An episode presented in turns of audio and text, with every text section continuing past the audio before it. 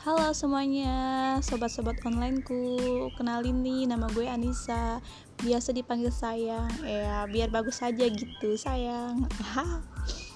Uh, Di podcast pertama kali ini gue mau kenalan dulu nih. Yo pasti dong. Kalau tak kenal maka tak sayang. Kalau udah sayang, jangan ninggalin ya.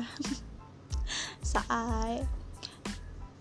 Gue di sini mau cerita dulu Siapa gue gue ini Anissa tadi gue udah bilang dan gue anak pertama. Kalau mau gue anak kedua karena kakak gue meninggal jadi gue anak pertama dan gue punya adik cowok yang sekarang usianya sekitar 15 tahun dan gue usianya 21 tahun.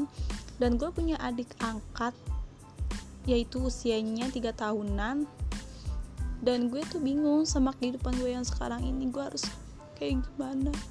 Makanya gue mau cerita sama kalian di podcast ini tapi nggak di episode yang sekarang. Tapi episode kedua ya. Semoga kalian terus support aku ya teman-teman. Supaya aku bisa berbagi cerita sama kalian. Yuk terima kasih